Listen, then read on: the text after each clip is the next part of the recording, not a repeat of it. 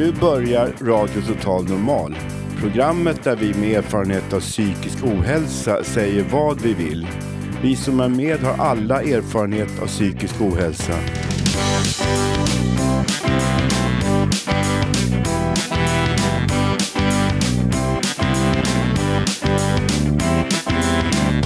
Du lyssnar på radio Total Normal. 101,1. Totalt normalt. Radio Total Normal, torsdagar från två till halv fyra. Vi livesänder med publik från Götgatan 38 i Stockholm. Kom hit och lyssna. Här är alla röster lika värda.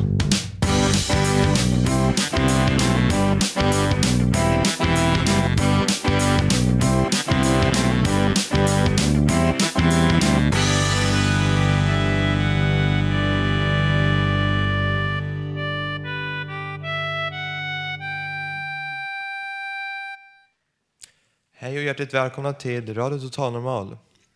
Jag har en härlig publik framför mig och vi ser fram emot ett spännande program.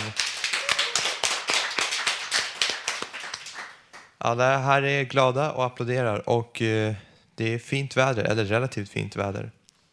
Och idag ska vi få höra Janne på stan. Vi kommer också få veta vad Kedo är för något. Och vi kommer också att få höra musik från livebandet Augustin with her Fading Bruises. Och... Eh, precis. De sitter här bredvid... En, en, precis. Och så lite matrecept och en massa annat förstås. Jag som är dagens programledare heter Erik Emanuelsson.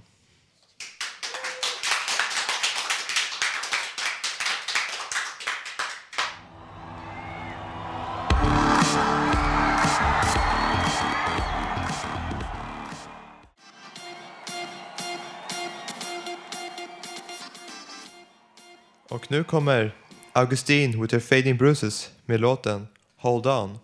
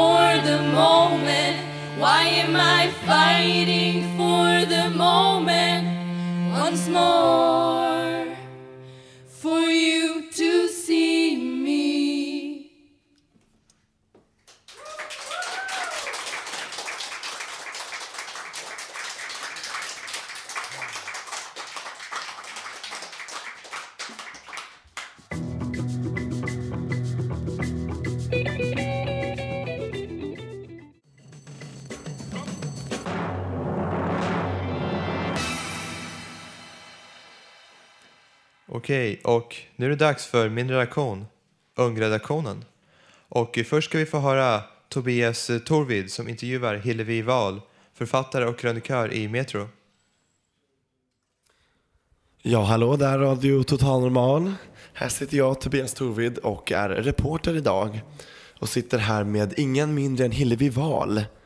Hon är krönikör för Metro, hon är också föreläsare ute i landet. Och så är hon författarinna och har skrivit många böcker. Och eh, främst två stycken då om psykisk ohälsa. Och då kan jag säga att den första heter Kärleksbarnet. Och handlar om hennes mammas missbruk och galenskap. Hur det fanns inga andra ord på den tiden som kan beskriva det. Och sen den andra boken handlar då om hennes egna självskadebeteenden och erfarenheter av ätstörningar. Nu, Hillevi Wahl, vänder jag mig till dig. Nu vill jag fråga dig, hur kommer det sig att du började skriva om just det här ämnet? Det var faktiskt när jag fick barn. Jag fick barn när jag var 37. Och då, alltså jag tror det händer någonting med när man får barn. För plötsligt inser man, man inser hur känsliga barn är. Det hade jag inte fattat förut. Eh, och man inser, och alltså det, alltså det börjar komma upp så här minnen, nästan som post-it-lappar eller pop-up-fönster. Eh, och då skrev jag några krönikor om det här med barn och alkohol, där jag liksom tog de här, eh, alltså några just minnen, minnesbilder av min barndom. Och då var det förlaget, Norstedt, som kom och sa, kan inte du skriva en roman om din barndom? Och sen, kan jag väl? Du vet, som, du vet så här, proffsigt kan jag väl. Men det var det svåraste jag gjort. Alltså jag gick sönder varenda dag när jag skrev den. Och just gå in i... För det är en sak att liksom ha, ja, ja, jag hade en taskig barndom och sådär. Men att gå in i varje känsla och beskriva dem i detalj. Hur det luktar, liksom, hur, hur den här skräcken, ångesten, hur det, hur det smakar.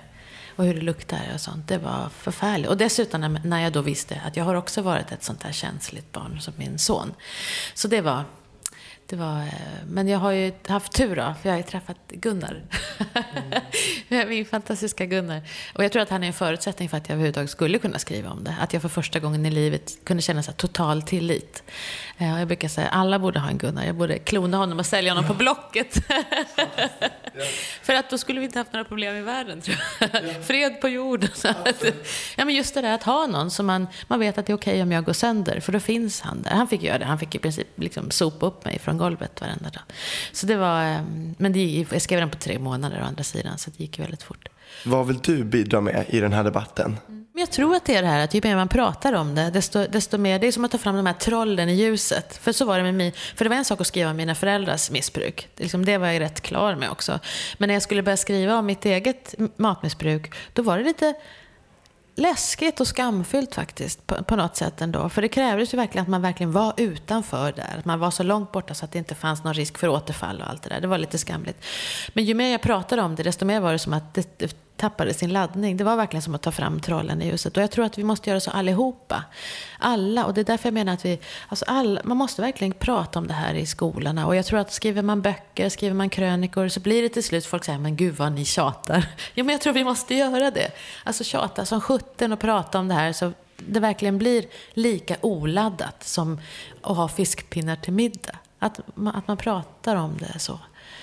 Eh, för då tror jag vi har kommit ganska långt. Och sen är det här som jag brukar säga eh, också, för det är verkligen så att, att ju mer man träffar människor och ju mer man sätter sig ner och pratar med dem så märker man att alla, och speciellt de som man aldrig trodde, men alla, alla har verkligen sin skit.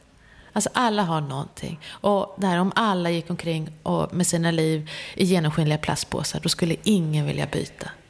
Så, så är det. Alla har sitt. Helt rätt. Så, så sant, så sant. Och jag går ju in i det här alltid, alla nya ämnen som självmord och allt vad det nu är för någonting, med, med en journalists ögon. Den här nyfikna, nej men oj, nej men är det så? Är så många? Och vad kan man göra åt det? Kan man göra så? Och vad finns det för hjälp? Och, och, och, och hur kan man göra? Och alltså just den här nyfikenheten. Och när jag kommer ut så, när jag pratar om det här och, och berättar för folk att det är fem fem ungdomar tror jag det är varje vecka som tar livet av sig. Mellan 15 och 25. Jag tror att det är så många. Om jag har rätt för mig nu. Eh, och det är ju inte klokt liksom. Och då måste man ju verkligen börja prata om det redan i skolorna. Om man ska ha en chans att fånga upp dem. Och jag märker ju det att nu kommer ju folk och lyssnar. Förut var det här så tabubelagt, vare sig det gäller alkohol eller sånt, så folk vågade inte komma om man skrev eh, missbruk eller, eller psykisk ohälsa på någon, eh, eller ätstörningar på någon eh, flyers eller någonting. De vågade inte liksom ens komma in. Mm. Men nu kommer ju folk. Det kan ju komma 40, 60, 80 pers bara och droppa in. Det är så häftigt, för det finns en helt annan vilja nu att veta mer. Hur tror du Hillevi att vi kommer behandla psykisk ohälsa i framtiden? Vart skulle du säga att vi är på väg? Alltså, å ena sidan kan man ju säga en större öppenhet, tycker jag faktiskt. Att man märker att folk förstår att det här handlar om att vara människa. Helt enkelt. Det var som, eh, till och med forskare brukar säga, när man säger, som det här med socker och, och, och fettberoende, som det var en artikel i, i, eh, i, i Svenska Dagbladet, så, så hade de frågat den här forskaren, eh, är det här ett beroende då, ett missbruk? Ja, man kan kalla det beroende, men man kan också kalla det för att vara människa. Jag tyckte det är så häftigt, för mycket handlar om det, att vara människa. Så å ena sidan så ser vi en öppenhet för det, å andra sidan så drar man ju in något så vansinnigt på vården. Alltså vi har inte tid, och det finns inte, det finns inte professionella människor till att ta hand om alla som mår dåligt idag. Och en del av detta handlar också om att vi är sämre på att sova och sämre på att äta rätt och att vi sitter uppkopplade hela nätterna. Och, eh, du vet, att vi, att, så, att, eh, så jag tror att vi är lite till mans, att vi måste hjälpa varandra. Alltså alla vi som jobbar, alltså alla vi som grannar, vi måste få tillbaka det här med att vi att vi inte är rädda för varandra, utan att vi vågar hjälpa varandra. Komma, komma in och vattna blommorna, fråga hur det är. Att alla måste våga prata med varandra. För jag tror ensamheten är det största gisslet, tror jag. Och att kan vi bara...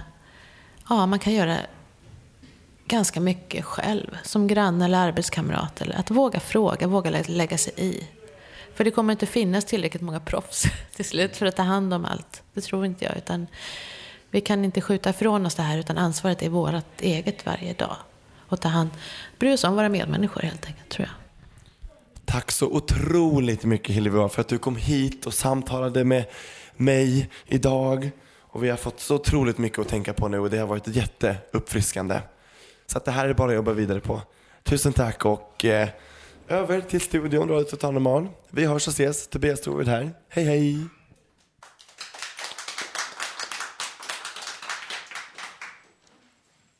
Och nu kommer bandet igen med en ny låt och den här heter The ending is the best part.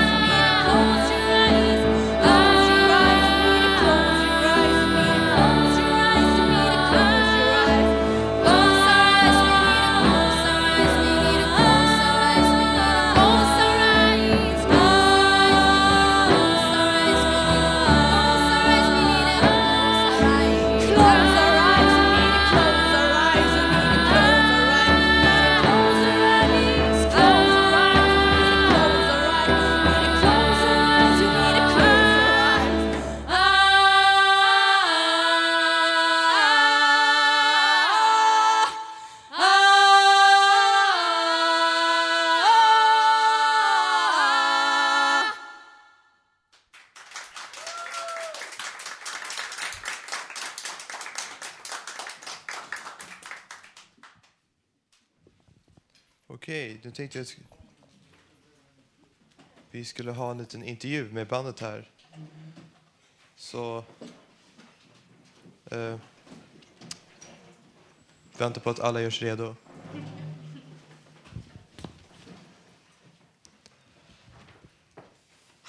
Så hur eh, går det för er just nu? Jo, det går ganska bra. Vi eh, har varit med i en tävling nu, eh, lokal tävling.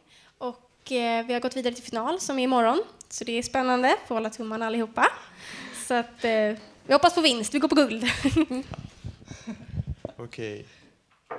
Eh, så det var ganska intressanta låtar ni spelade. Vad, vad handlar de om? Ehm, låtarna handlar mycket om alltså, problem man, man möter alltså, i, på samhällsnivå eller som stackars liten individ eller alltså, olika, olika sätt. Den första låten som vi spelade, Hold On till exempel, den, den eh, liksom kollar mycket på, även om det finns så mycket text i den så eh, försöker vi förmedla en känsla kanske även utan ord. Och det är mycket, alltså, just den, den låten tänker vi lite mer på liksom det här med egenvärde och liksom hur vi definierar det. Så. Ja. Det, var, ja, det, det, det funkar tyckte jag. Det var ganska bra den faktiskt. Det var lite Tack. blues sådär. Lite, lite, det var lite så här klagosång, typ lite blues. Lite folkmusik. Mm. Lite fusion. Julskönt, precis. Julstämning. Lite, lite så här... Eh, Bergman, typ. Ja, det är en fin komplimang. Ja. Svart och svårt. Det skulle passa bra till så här svartvit film. Och... Ja, men... eh, Så hur, hur, eh, hur långt vill ni gå med det här? Hur långt tror ni kommer komma? Med all musiken och så. Ja, eh, just nu så är väl nästa steg... Först så ska vi självklart vinna den här tävlingen. Ja, just det. Så Nummer vi ett. kan fortsätta att finansiera ett, en skivinspelning som vi håller på med. Vi håller på att spela in en EP nu. Och eh, vi hoppas att den ska vara klar till början på nästa år. Så vi har spelat in fyra låtar och nu ska vi mixa. Ja. Så det är väl det som är första steget. Sen får vi se vad det blir. Sen Idol. Eller? Sen ska vi ta över världen. Sen ta över världen. Först radion, sen världen. Ja, hur, hur eh, länge har ni spelat ihop? Ehm, I snart två år. I januari blir det två år. Det är bra. Så är det något mer ni vill tillägga eller säga? Det var jättekul att vara här och spela. Jättekul. Verkligen. Det är lugnt. Okej, och det var...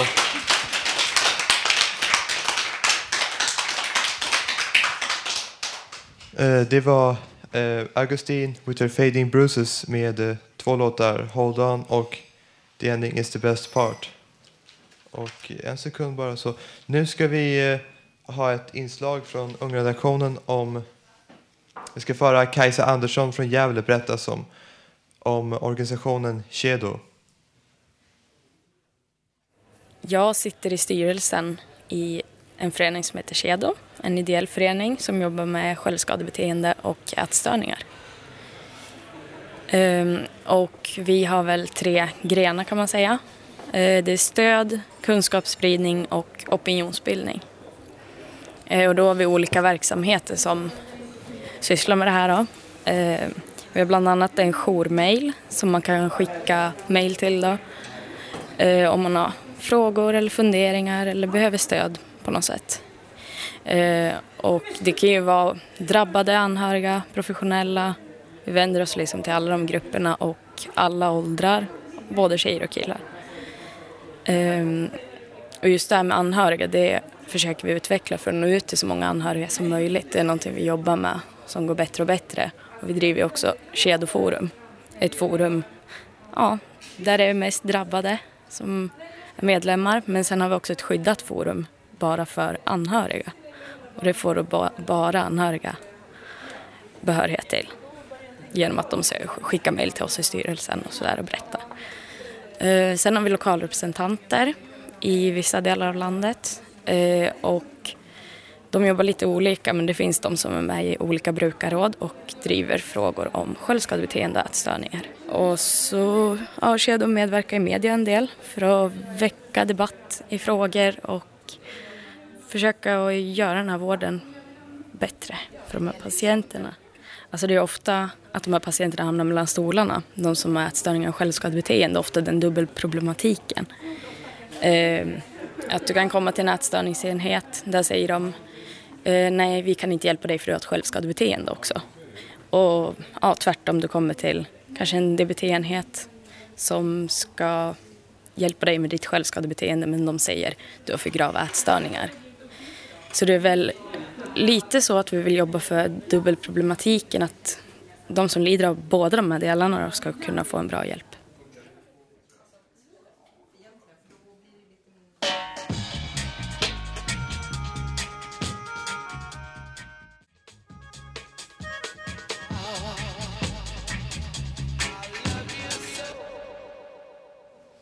Okej, det var Augustus Pablo och Meets the Rockers Uptown. Och nu kommer Hanna som ska berätta för oss om sockermissbruk. Sockermissbruk. Vet du vad det är? Enligt flera inom vården finns det inte. Varför? Jo, för man kan inte bli beroende av socker när det finns alkohol, droger eller tobak. Det kan ju inte vara möjligt när socker finns i varje gatuhörn. Men det finns. Jag är ett levande bevis. Likaså många andra runt om i världen. Men det verkar som det ändras bit för bit. Samtal och artiklar om socker börjar dyka upp när det förr inte fanns någonting. Det börjar upptäckas och erkännas istället för att tryckas undan och förlöjligas.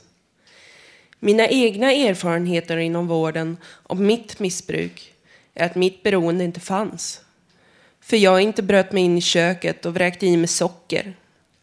Men det de verkar ha glömt är att ett genomgående drag i vilket missbruk som helst är att man gömmer och smusslar om det. Oftast är smygandet lika viktigt som själva beroendet. Jag smög med att få i mig socker när det inte fanns choklad. Min huvuddrog. Ett vanligt glas saft med minst tio sockerbitar upplöst. Det var min dos. På morgonen. För att överleva dagen krävdes det tre till fem glas. Plus kakor om det fanns. En upplysande artikel visade hur verkligt sockerberoende är. Råttor var tvungna att trycka på en lucka för att få sin mat. Och de tryckte högst 15 till 20 gånger för vanlig råttmat. Men när de gav socker blandat med fett så det liknade en kaka kunde de trycka upp till 70 gånger för att få det. Ett golv elektrifierades framför sockerblandningen och råttorna gick över det för att få tag i sitt socker. Det är uppmätt till ett lika starkt krav som kokain. Ett experiment som fick flera att vakna upp och inte bara skjuta undan det växande problemet. Och ett växande problem är det om flera fortsätter att förneka det och blir fast i beroendet utan att kunna hitta hjälp. Jag levde igenom sockerberoendet i fyra år. Ett ångestdämpande medel i en god chokladig smak. Men sedan bedövade det inte bara de deprimerande känslorna, utan alla. Glädje, sorg, ilska. Mitt liv blev ett levande skådespel. Inga känslor fanns. Frågade du mig vad jag tyckte om det, eller vilken färg passar till det här, så observerade jag vad du ville att jag skulle säga. Inte vad jag tyckte. För jag hade inget jag längre. Det hade försvunnit långt in i sockerdimman. Så tänk efter. Om flera faller för sockrets makt. Man blir en docka. En marionett där andra drar i trådarna. Känslolösa människor. Hur ska ett sådant samhälle fortsätta växa, utvecklas? Hur ska man se till att det inte blir så? För en själv och andra. Man måste tillåta sig själv att känna. Känna glädje, sorg, ilska. Det är tack vare mina känslor som jag vågar tala ut. Det är tack vare känslor som man tar sina beslut genom livet. Men för att hitta tillbaka till sig själv måste man kraschlanda. Det behövde i alla fall jag. Annars hade jag inte förstått allvaret. För jag kunde inte känna något trots att jag försökte. Jag känner att andra måste få höra det här. Höra att någon kan tala ut om det. Villig att diskutera sina känslor. Att lämna ut sig för helt främmande människor. För jag vet att när jag hittade artiklar om andra med sockerberoende var det som ett ljus tändes inom mig. Jag var inte ensam. Det var andra som kände likadant som jag. Det fick mig att ta det lilla steget ut till det sociala livet som förut tog sig som ett berg jag omöjligt kunde klättra över. In i det sista klängde jag mig fast vid min choklad. Men tack vare stöd från familj, släkt, vänner och kontaktnät så har jag börjat med min livslånga kamp mot sockrets krav över mig. Snart har det gått två månader för mig som har varit sockerfria. Det är en kamp. Men det är min kamp som jag har valt, som jag vill vinna och känna mig stolt över.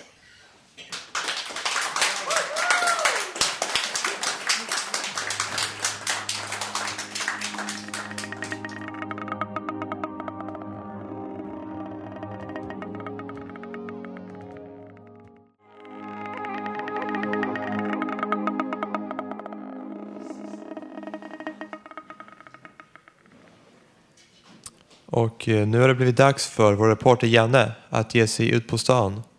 Den här gången går han på jakt efter fimpar och kollar hur skräpigt Stockholm egentligen är. Ja, nu går vi ut från Götgatan 38, Fountain House, Södermalm, Stockholm, Sverige. Ursäkta mig, får jag ställa en kort fråga? Vad tycker du om nedskräpningen här i Stockholm? Vad ska vi göra åt det? Kan vi införa, eh, kan vi införa eh, pant på cigarettfimpar, en krona per fimp? Vad tror du? Eh, det skulle väl vara bra, men jag vet inte om det... Man gör det på burkar och eh, flaskor. Kan man inte börja med cigaretter också? Absolut, varför inte? Röker du? Nej. Röker du? Eh, nej. Ja, men om kan ni gå och samla cigarettfimpar så får ni pengar då. då. Ja, kanske det. Det skulle vara ett bra jobb. Ja, men jättebra. Har ni har inte sett mig i TV? Förra året, Inferno, om psykiatrin. Nej, Vet du vad psykiatri betyder? Jag har en aning. vad är det då på något sätt? Vad är det då? är det inte någon så här...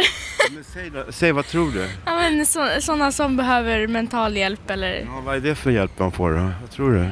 Det har jag ingen aning om. Ja, ja men tack för svaren då. då. En, två, tre, fyra, fem, sex, sju, tre, åtta, nio, tio, elva fimpar. Elva, tolv, tretton, fjorton, femton, sexton, sjutton, arton, nitton, tjugo. Ursäkta, får jag ställa en, ko- tre korta frågor? Vi är från Götgatan 38, Fountain House. Jag bara frågar dig, eh, vad tycker du om nedskräpning, klotter och skadegörelse här i Stockholm? inte om. Nej. Nej, men jag tänkte höra, har du drabbats av det? Hunden till exempel har fått i sig något olämpligt eller någonting? Ja, eller? det har hänt. Har det hänt? Ja, det har hänt. Vad, tänker jag, vad tycker vi ska göra åt det där? Ja, ha ö- övervakning på gatorna. Ja, mm. Dryga böter kanske? ja det med. Jag tror, vad, nej, vad tror man om man röker? Att man kanske kan lämna in sina cigarettfimpar? Tråkigt att se på gatorna också. Det är farligt för hundar och barn. Ja. Ja, tycker jag. Mm, Okej. Ja, tack. Hej. 20, 21. Var det där en fimp? Ja, det är ja. Ja, Nej, okej. den där, den. Alltså den bruna 22 fimpar, nu är snart framme vid Götgatan. Ja. 22, 23 fimpar, 24, 25 fimpar. Nu ska jag höra med dig. Det är tre saker jag frågar. Eh, Vi har alltså nedskräpning, klotter, skadegörelse i Stockholm. Vad tycker du om det? Vet du vad det kostar till exempel ett sånt här fönster, eh, glasruta till de här busskurvorna? Jag tror, vad tror du för uppfattning vad det kan, sånt här kan kosta? Det kostar jättemycket vet jag i alla fall. Jag vet inte hur mycket men några Har tusen. du något praktiskt konkret förslag om man ska stoppa den här nedskräpningen? jag vet faktiskt inte. kan, Kan du komma på något? ja, kanske lite fler soptunnor i alla fall. För, det- ja. Vad tycker du om eh, eh, papperskorgar? Finns det tillräckligt? Ja, ibland. Och ibland så finns det och så är de jättefulla. ändå. En annan fråga som man pratar om, offentliga toaletter. Då kunde inte man få mera sådana och sen att de är rena och städade när man kommer in där. Det, det, politikerna har ju pratat om det i Stockholm här.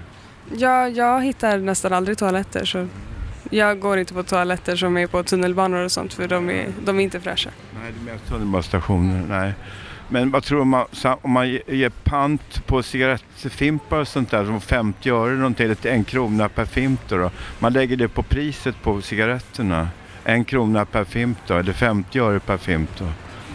Ja, det kanske man skulle kunna göra. Jag, röker inte så att... Nej, men det gör inte vi heller. Det gör inte du heller va? Nej.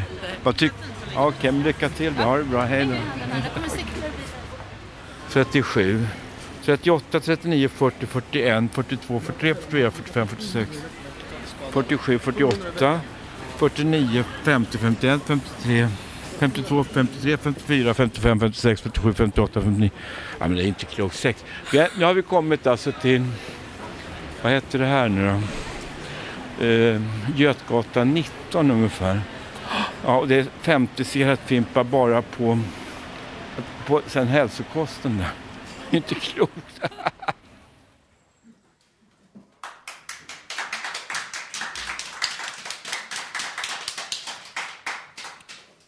Och eh, nu kommer Hasse spela lite Bob Dylan för oss.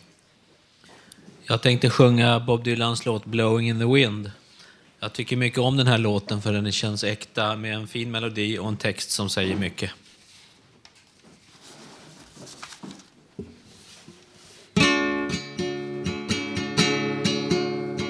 How many roads must a man walk down before you can call him a man?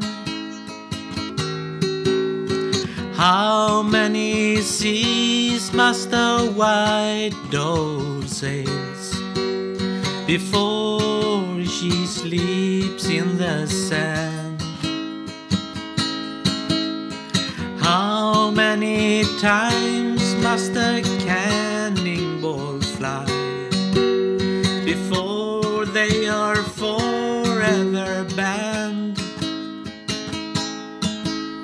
The answer, my friend, is blowing in the wind.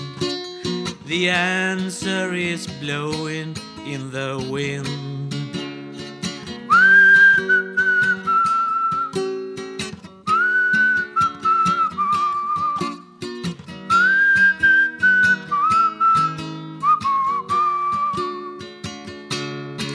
And how many years can a mountain exist before it is washed to the sea?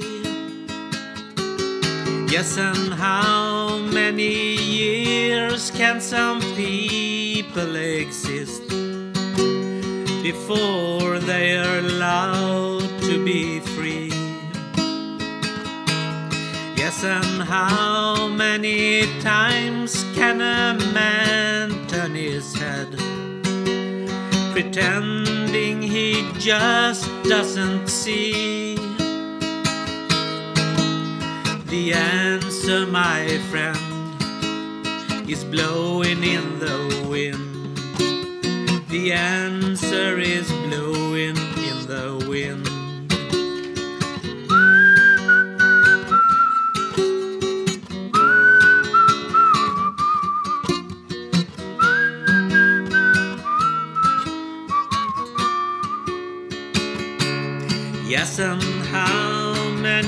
Times must a man look up before he can see the sky? Yes, and how many ears must one man have before he can hear people cry? Yes, and how many deaths will it take till he knows that too many people have died?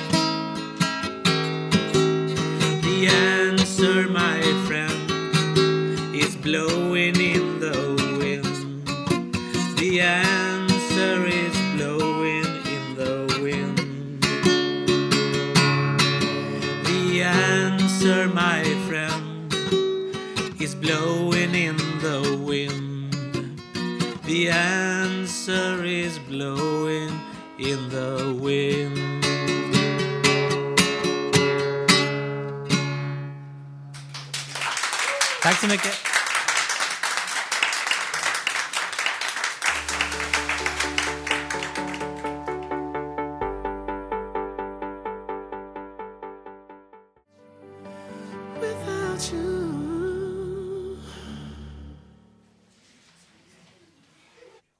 kommer Håkan som ska presentera ett recept. Vad blir det för mat? Radio Total Normals egen radiokock Håkan Eriksson delar med sig av ett mycket smarrigt mattips. Mums filibabba. Mm.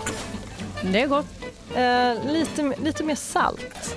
Ja, det, det smakar lite citron. Mm, gott. Dagens kock på Radio Total Normal.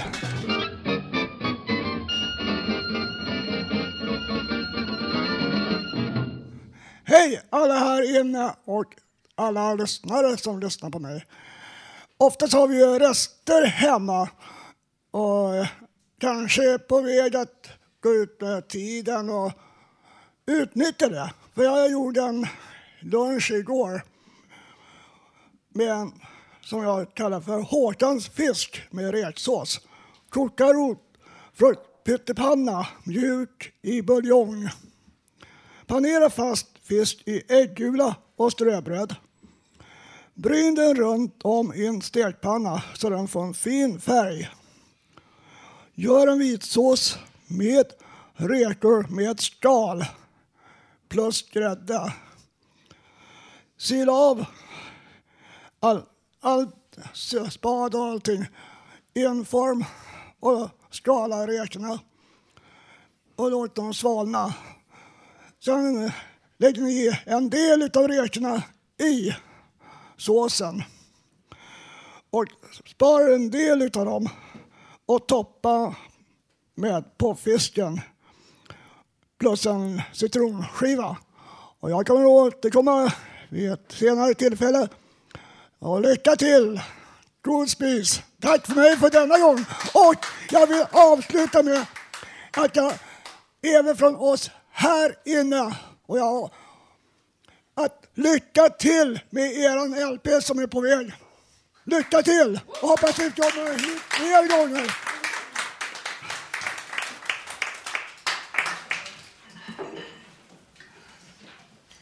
Ja, och eh, Katrin Loford, av henne får vi nöja oss med en repris idag. Fun and Greetings hette detta hennes nummer den 9 juni i år. Varsågoda.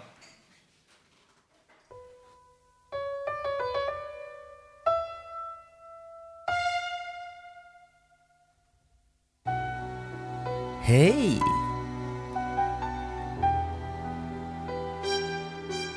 På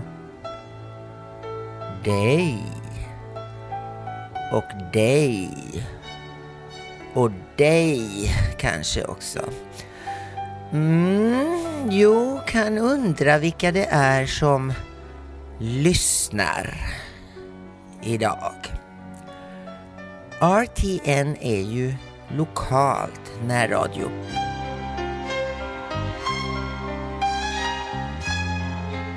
Men eh, går samtidigt att höras på nätet i bland annat Shanghai, Paris och LA. Ja, hej och hå. Ja, välkomna förresten, har jag glömt att säga det. Katrin Loford är namnet.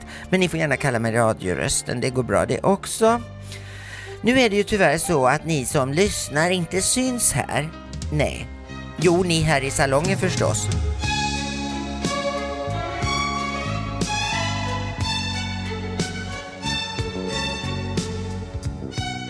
Och vi lika så syns ju inte heller för er där ute på etern i landet. På, eh, ja, jag menar vid apparaterna, vad ni nu har för apparater. Ungdomar nu för tiden har ju data, det har till och med jag. Nåväl, min skrivare gick sönder men det kommer vi till senare. Här i salongen ser vi ju varann rätt bra. Om vi vill alltså.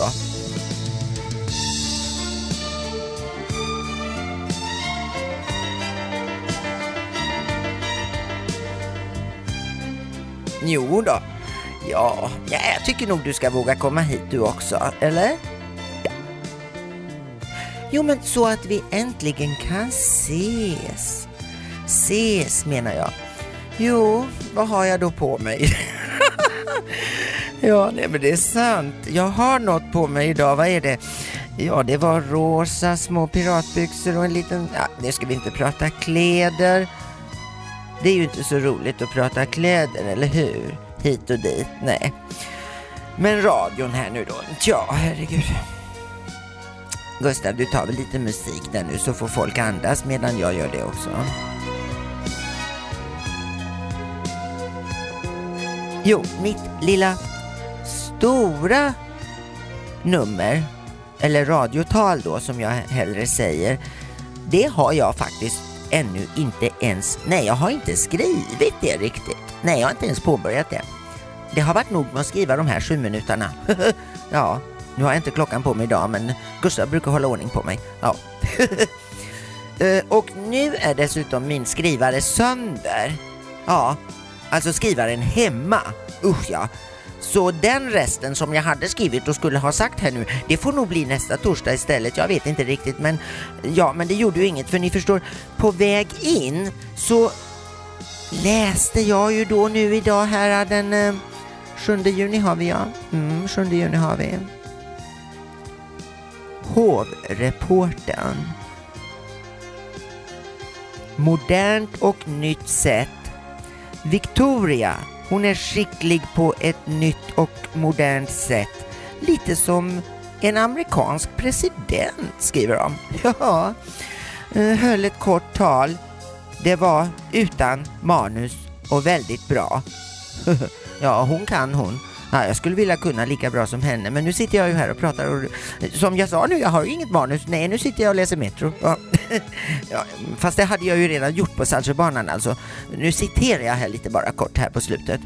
Och kungen han talade upprymt och avspänt på Skansen, bättre än på länge. Han fick en av de längsta applåderna vi hört någonsin. Det som har hänt är historia nu och idag vänder vi blad. Nej förlåt, det står det inte alls. Det sa han i höstas. Uh, idag fick han sin revansch. Ja, just det. Jo, men det fick han nog. Tyvärr var jag nere i Järlasjön och badade igår kväll så jag hann inte att se allt det där på TV. Jag hade till och med tänkt att åka till Skansen men nej, man hinner ju ingenting nu längre. Och nu hinner jag väl inte hälsa till alla dem jag hade tänkt att hälsa till heller. Nej, vad tiden går. Det får jag ta nästa torsdag. Ja, Ja, hej och hå. Ta lite Morricone där. Ennio Morricone, jag tycker så mycket om hans musik. Nej, jag hinner inte hälsa till någon här idag. Det var tråkigt. Jo, Jane, du ska ha en hälsning. Var är du? Och så listan. Jag hade ju både en, ehm, ja, jag hade två listor. Jag har inte kunnat skriva ut den hemma och är hemskt ledsen. Men nu är jag väldigt glad. Ja, för nu ska jag bland annat först in till info, skriva färdigt då RTN-sidan. Det blir ingen maj fontänblad utan juni. Sen går jag väl inte ner till baren här och den där lite hm, mannen där på, jag säger, ja alltså, jag tycker bara den där Adde, han är nästan ändå coolare. Ah, kram på er båda. Och sen hade jag ju då lite mer hälsningar, men så blir det när man inte har teknisk hjälp hemma och får utskrivet sina papper. Jag tillhör tyvärr den generation då då sån där mm, klumpar kan sätta klumpar i ens, ens vardag. Ja, jag brukar vilja avrunda mina små inslag, nummer, radiotal eller vad vi nu än kallar dem. Det spelar ju ingen roll. Jag brukar vilja göra det med glädje. Men nu känner jag lite som att jag blir lite dämpad här idag och eh, jag hoppas ni förlåter mig för det. Nåväl, hörni. Nästa vecka lovar jag att komma tillbaks med nya krafter. Jawohl. jo, nej men det är sant. Och, och, nu önskar jag en riktigt solig och trevlig eftermiddag på er alla, allihop. Kram och hej. Jag heter Katrin Radiorösten Loford. Ciao.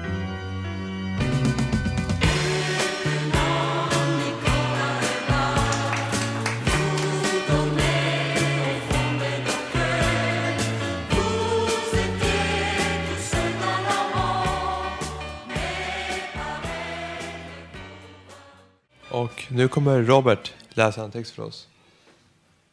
Ja, hejsan. Det är Robert Naverstam här. Det är 2011, 17 november. Och jag ska läsa. Det känns lite grann som att lämna ut sig ändå det här. Men vi får köra, köra här nu. Minnen från en barndom. Minnen från en barndom. Min mamma sa det. Jag minns det som det var igår. Det är nya tider i världen. Det finns nyckelbarn. Barn med nyckel om halsen som går runt i förorterna där de bor. Utan någon som tar hand om dem om dagarna när deras föräldrar var på sin arbete. Jag minns att jag inte ville vara på eftermiddagshemmet där jag skulle vara, som det sades. Jag var väl då en 10-12 år gammal någonting. Själv tyckte jag att jag var färdig för sånt, med, med sånt där och att jag var för gammal för, att, för stället som detta. Jag ville göra, vara fri och göra vad jag ville med min kompis. Inte tänkte väl jag på att det skulle kunna bli några problem. Jag var ett nyckelbarn, ensam med min mamma. Hon kunde inte se efter mig när hon arbetade. Och jag skulle vara i skolan och hemma efteråt. Det var nog som sagt mest några timmar på eftermiddagen.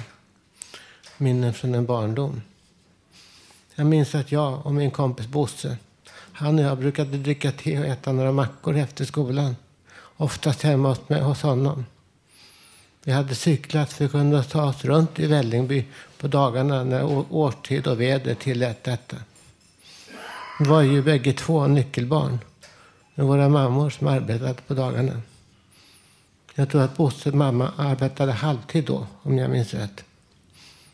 Efter att ha varit mobbad och slagen under någon tid innan så var dessa barn borta som hade, hade förstört livet för mig. Vad det tagit vägen vet jag inte. Jag minns, och jag, som jag minns det, att det var så det blev. Det var inte någon mer mobbing just då, eller stryk och rån. Jag minns ändå att jag under många år var vettskrämd för de andra barnen efter allt stryk jag fått. Det blev aldrig mer samma sak som det var tidigare, innan all mobbing. Ändå minns jag ju att Bosse var min vän. Och det var ju inte han som krånglade till det för mig. Jag minns veckoslut slut hos min styvfader i hans sommarstuga. Jag minns varma somrar med mygg, saft och grannar i området. Jag minns personer som Herman, Åke, Ines och Elin. Andra människor i det lilla området. De allra flesta åkte ut näst, nästan varje helg till sina stugor. Det var sent 1960-tal och tidigt 1970-tal. Alla som hade stugor där i området, där i området var arbetarmänniskor. Och Sverige var en av världens rikaste länder under de åren. Vi surfade alla på Europas och världens återuppbyggnad efter andra världskriget. Jag minns mycket, bland annat också att de andra männen i området nog ansåg att jag var en bortskämd fegis. Att jag inte kunde ta för mig. Och att jag ofta pratade och ältade om att jag hade blivit slagen och rånad. Jag minns att jag skämdes för att jag inte kunde ta hand om mig själv som andra barn kunde. Jag minns ändå att landet och stugan och en fristad för mig. Där det fanns inte, inte samma panik som levde varje dag. Umgänget med andra barn hemma i Vällingby. På andra, sätt, på andra till sätt än, än hur det var ute på stugorna. Vad kan man säga? Jag kan under de åren inte minnas några oegentligheter med de andra barnen hemma. Men jag minns ändå att jag gillade att vara ute på landet bättre. Som Martin, min styvfar, hade. Det var lugnare än i stan. Lite mer koll om man så säger. Det får vara bra nu. Tack för mig denna torsdag. Direkt från oss i Radio Total Normal. Från Götgatan på Södermalm i Stockholm.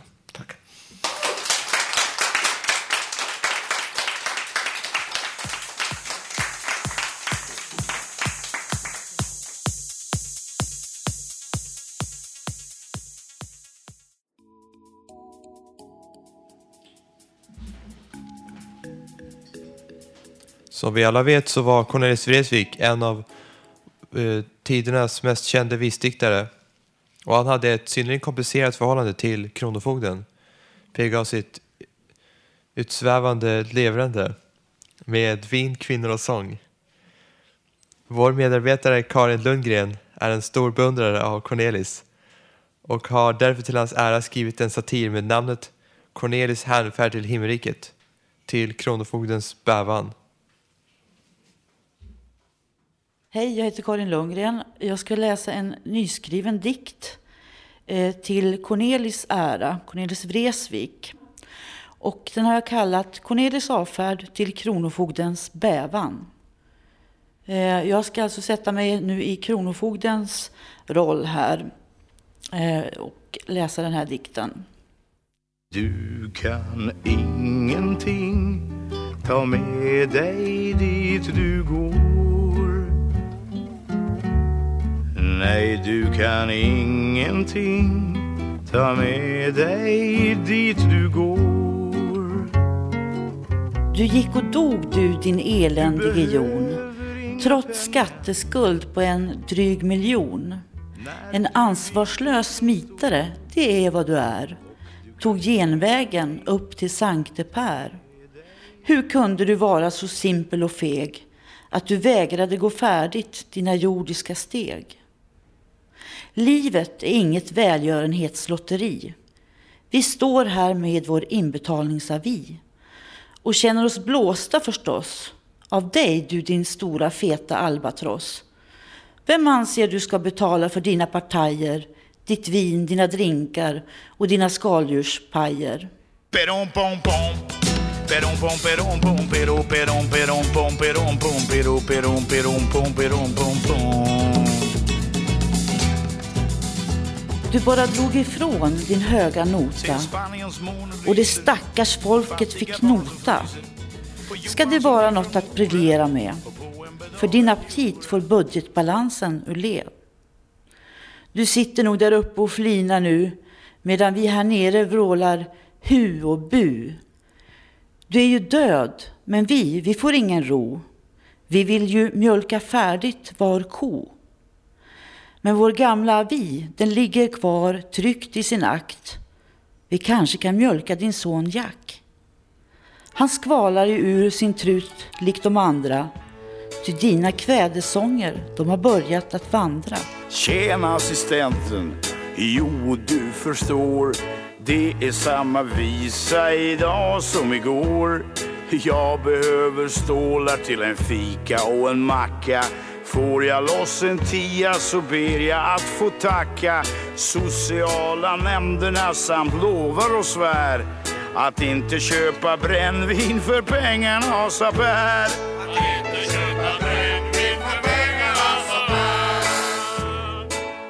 23 år efter din fega hädanfärd är du väl lika många miljoner värd. Det retar oss att du gav dig av i all hast, så som häxan till Blåkulla på sin kvast. Vi äskar på lagändring och en andra chans, nu när vi har borgerlig allians. Det som retar oss är att höra din röst. Du fräser så hest ur ditt artificiella bröst. Ur eten när man minst har en chans att taga beskydd om man ej är ett fans. Hönan Agda vrålar du utan pardon och vi tvingas plågas av dig, du din eländige jon. Perom pom pom Perom pom perom pom pero perom perom pom perom pom pero perom perom pom perom pom pom Var dag på myndigheten vi samlas och ber att Sankte Per ska skicka dig tillbaka hit ner. Att han ska ledsna på dina later och maner. Då blir bråda dagar många och långa. Men du din Jon, du står väl mest och hånglar. Medan vi, vi sliter sulor i våra myriadgångar. Vi ska då jobba hårt och på övertid tills dess att du äntligen har betalt din inbetalningsavi. Med ränta och tiodubbel inkassoavgift går det väl jämnt upp med din fondpott. Så ser den ut, vår heliga hemliga komplott. Sen kan Sankte Per få ta dig till himmelen upp.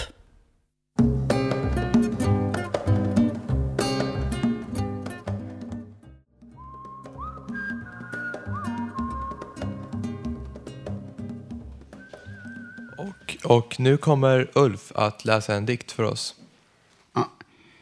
Tisdag var vinter. Idag är fredag. Går torsdag. Jag bor i Hammarbyhöjden. Blåser kanske i lördag. fartygsresan från 69 till 70 jag var på båten kom till Atlanten, Panamakanalen. I Europa på en Sydamerika, Hamburg, Tyskland, Antwerpen, Belgien. Jag läste fransk frukt, fisk, bröd, smör, ost, potatis, bananer, kaffepulver, läsk. Vi talade på fartyg Sydamerika. Jag var på ett antal restauranger. Nu 2011, midsommar och juni. Natt till mörk, månkväll, Shannon blinkar, månen lyser. April var vår, nu är november och fredag 11 november.